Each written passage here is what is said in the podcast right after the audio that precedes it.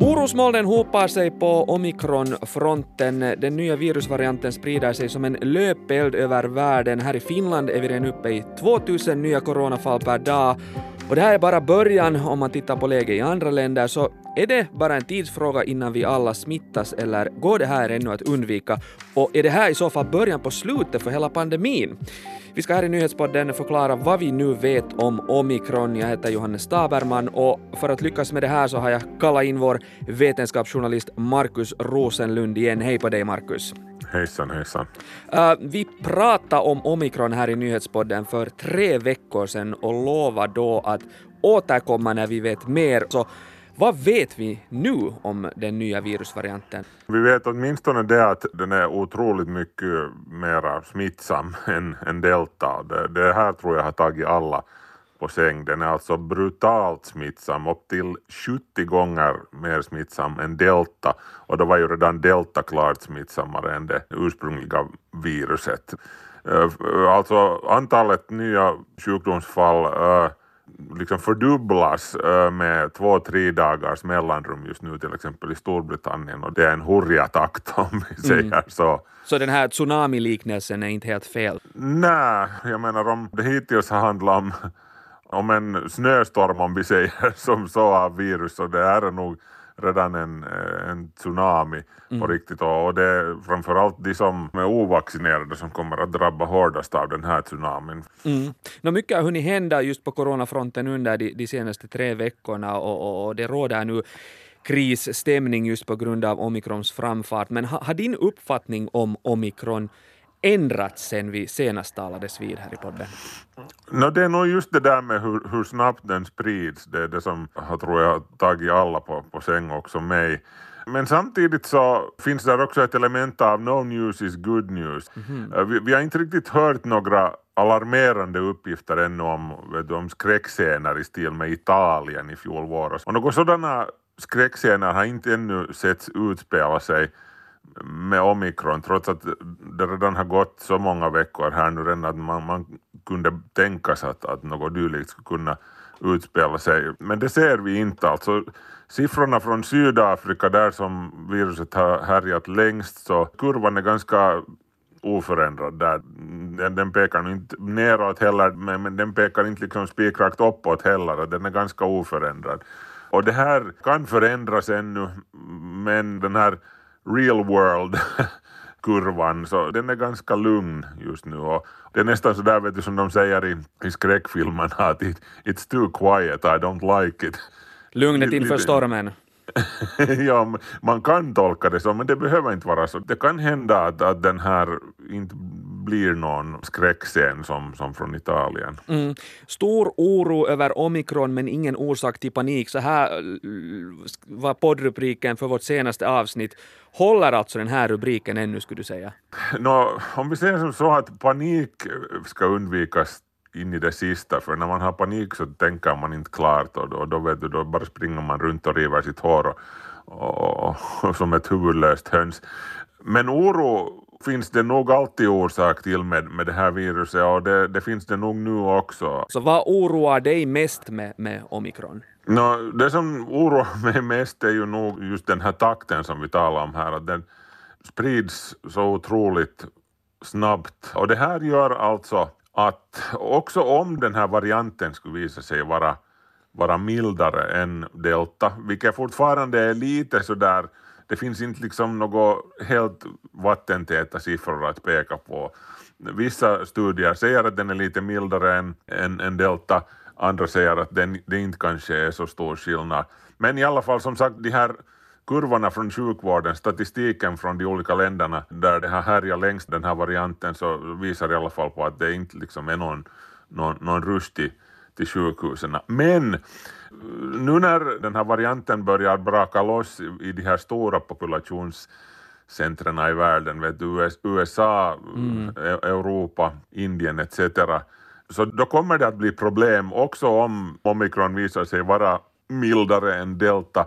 Så, så de här absoluta mängderna med, med folk som insjuknar kommer att betyda att där alltid finns den där vissa andelen som är så svårt sjuka att de behöver sjukvård. Och många bäckar små blir, blir snart en stor å och det här kan betyda alltså att sjukvården eh, överväldigas på många håll.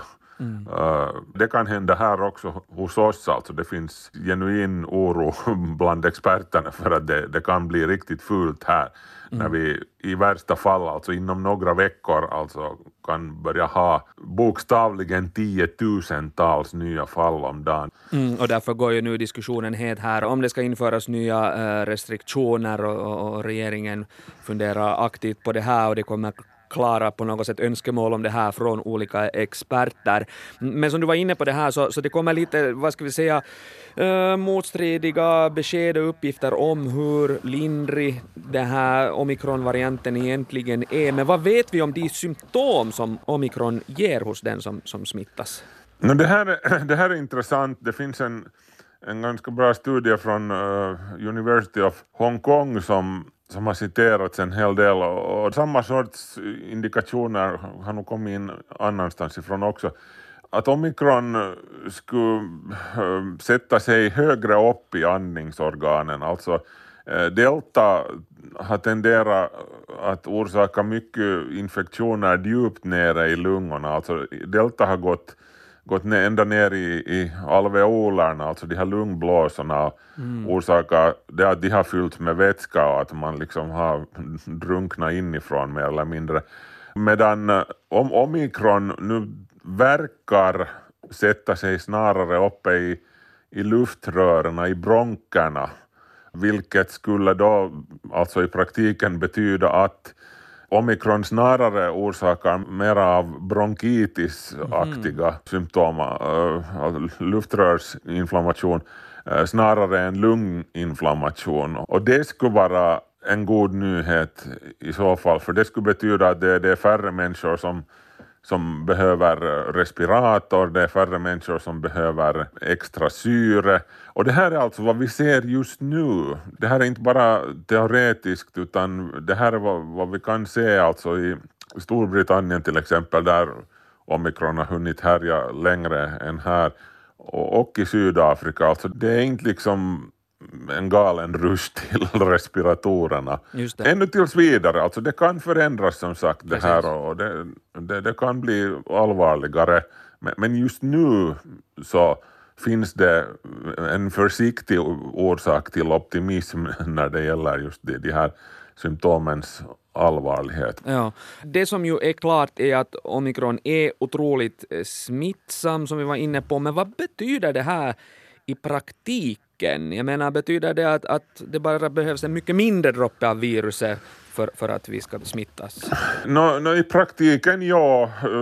Jag menar, ett smittsammare virus är aggressivare, det behöver färre av sina covering. Men, men, om, om det nu visar sig vara på riktigt så här att, att omikron sätter sig huvudsakligen i de övre luftvägarna, i luftrören, så det betyder ju att eh, varje bärare av infektion så producerar mycket mera virus. Vet du, när, när du går omkring och hostar så kommer det vir, virus i mycket större mängder. Så eh, det betyder ju att eh, man ska vara mycket försiktigare än förr med, med att röra sig bland folk och man ska vara noggrannare med att använda munskydd. Och det där, jag skulle nog personligen redan rekommendera FFP2 munskydd mm. för de, de liksom håller betydligt bättre de här virusen inne. Uh, men det är ju en, ett faktum alltså med det här viruset att eh, okej, okay, det, har, det har skiftat lite form, det har fått nya egenskaper, det har muterat, men det har alltså inte fått några nya stealth-egenskaper, det har inte mm. lärt sig teleportera eller gå genom väggar eller, eller något sånt. Så det är liksom en god grej med det hela att de här samma knepen som, som vi har fått höra om hela tiden, de funkar ju fortfarande och de kanske till och med blir relativt sett viktigare nu med den här varianten. Just eftersom man, man blir till en sån vandrande virussprinkler när man har det här, så, så därför blir social distansering ännu viktigare. Det, det, är ännu viktigare att hålla sig borta från folkmassor när man är, är smittad och, och det är ännu viktigare att bära munskydd. För okej, okay, lite flera virus kanske kan ta sig igenom eftersom det är en mm. så massiv mängd av de här virusen, men äh, ditt munskydd bromsar din utandningsluft. Vet du, spottdroppar kommer inte åt att flyga och så vidare bortåt när du har det där munskyddet på. Så, så munskyddet funkar nästan lika bra fortfarande. Dess effektivitet har inte avtagit i samma takt eller i samma förhållande som till exempel vaccinet, vilket man tyvärr misstänker att inte är riktigt lika effektivt mot den här varianten. Nej, men jag tänkte just utöver munskyddet, vad, vad, vad, vad annat biter på omikron? No, en grej som, som det kanske har talats ganska lite om är, är ju att eh, man ska se till att hålla sig med sunda levnadsvanor, man ska se till att ta, vet du, D-vitamin är bra, ta så här års, det är annars också bra. Därmed inte sagt att man ska liksom börja äta brutala mängder D-vitamin, för man ska definitivt inte ta för mycket av det heller. Samma sak med zink, för det, det håller också immunförsvaret på en, på en bra nivå. Men, men tro inte liksom att någon av de här, det finns alltså ingen mirakelmedicin, mm. du, du, ska bara se till att du, du mår bra överlag, att din kropp vet du är eh, beredd om det kommer. Och jag är li, lite rädd för att det här kommer liksom till oss alla. Det, eh, det, liksom ren matematik pekar mot att att vi kommer alla att exponeras och mer eller mindre alla kommer att få den här varianten. Den är alltså så aggressiv. Vi börjar på riktigt närma oss mässlingsnivåer nu när det gäller uh, smittbarhet med det här viruset. Men, men, men du säger så, alltså att vi borde alla börja förbereda oss på att vi förr eller senare kommer att smittas av den här nya coronavarianten, vare sig vi har vaccinerat ja. oss eller inte? No, högst sannolikt, ja poängen här nu är den att uh, vi, vi måste försöka se till att vi alla inte får den här varianten på en och samma gång, för då blir det stora problem. Vet du, om alla blir sjuka samtidigt, så också om största delen har milda symptom eller kanske till och med inga symptom alls, så finns där som sagt ändå alltid den där andelen som blir svårare sjuka. Och det är redan nu ansträngt på på sjukhusen. Mm. Men börjar det alltså bli aktuellt liksom nu att tala om flockimmunitet då? F-ordet, mm. ja. Mm. Ännu för ett år sedan eller, eller lite mer så, så var flockimmunitet liksom, det, det var lite löjligt nästan att tala om flockimmunitet för med den spridningstakten som de här ursprungliga varianterna hade så, så skulle det ha tagit vet du, 20 år eller mer att uppnå flockimmunitet och så det, det var inte något realistiskt alternativ då. Men alltså ett faktum är ju att på ett eller annat sätt så måste vi uppnå flockimmunitet mot det här viruset. Det, det finns inga alternativ till det. Vet du, vi kan inte heller gå och gömma oss i all evinnerlighet. Mm. Vi måste uh, inse att det, vi blir inte av med det. Det är endemiskt. Det har blivit till en del av, av virusmöblemanget. Och, och, och, vi måste liksom uppnå den där punkten där det, det här coronaviruset vet du, smälter in i, i bakgrunden på samma sätt som de här fem andra äh, flunsa-symptom orsakande coronavirusen som vi har i cirkulation.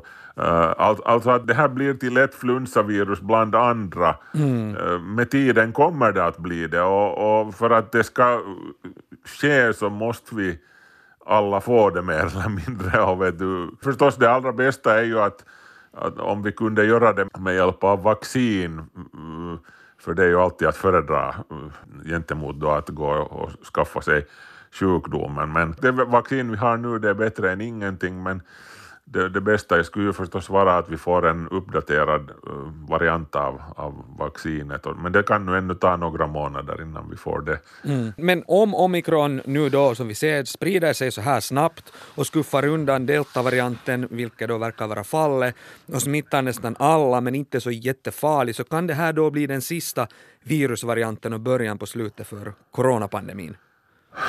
Den sista virusvarianten av sars-cov-2 är det här nog definitivt mm. inte. Alltså det kommer nog flera varianter men, men det här om, om vi har turen på vår sida vet du, så kan det här vara den sista eller en av de sista uh, pandemivarianterna vet du, som, som orsakar ett sånt här akut världsomspännande nödläge som vi har nu. Vi ser det faktiskt redan uh, nu i, i Sydafrika. Det finns liksom preliminära tecken där på att kurvan börjar redan gå neråt i de här första provinserna, vet du, Gauteng-provinsen till exempel, alltså ground zero i Sydafrika. Mm. Så där pekar kurvan redan neråt och, och, man kan se vet du, att det, det, är en hög kurva, den pekar spikrakt uppåt och så, så blir det en, en vass topp på den och så faller den nästan lika snabbt igen. Det kommer högst sannolikt, skulle jag gissa, och jag är inte den enda, att gå så också i den övriga industrialiserade världen. Alltså vi, vi kommer att se en, en våg som är mycket högre och brantare än de tidigare, men som också dör ut mycket fortare. Så det här blir sannolikt inte en lika utdragen affär vet du, som då i början. Markus, jag gissar att vi ändå får återkomma till omikron här i podden på nästa års sida. Men tack för att du kom hit till nyhetspodden och förklarade vad vi vet just nu. Jo, tackar, tackar. Jag heter Johannes Taberman, fortsätt lyssna på oss.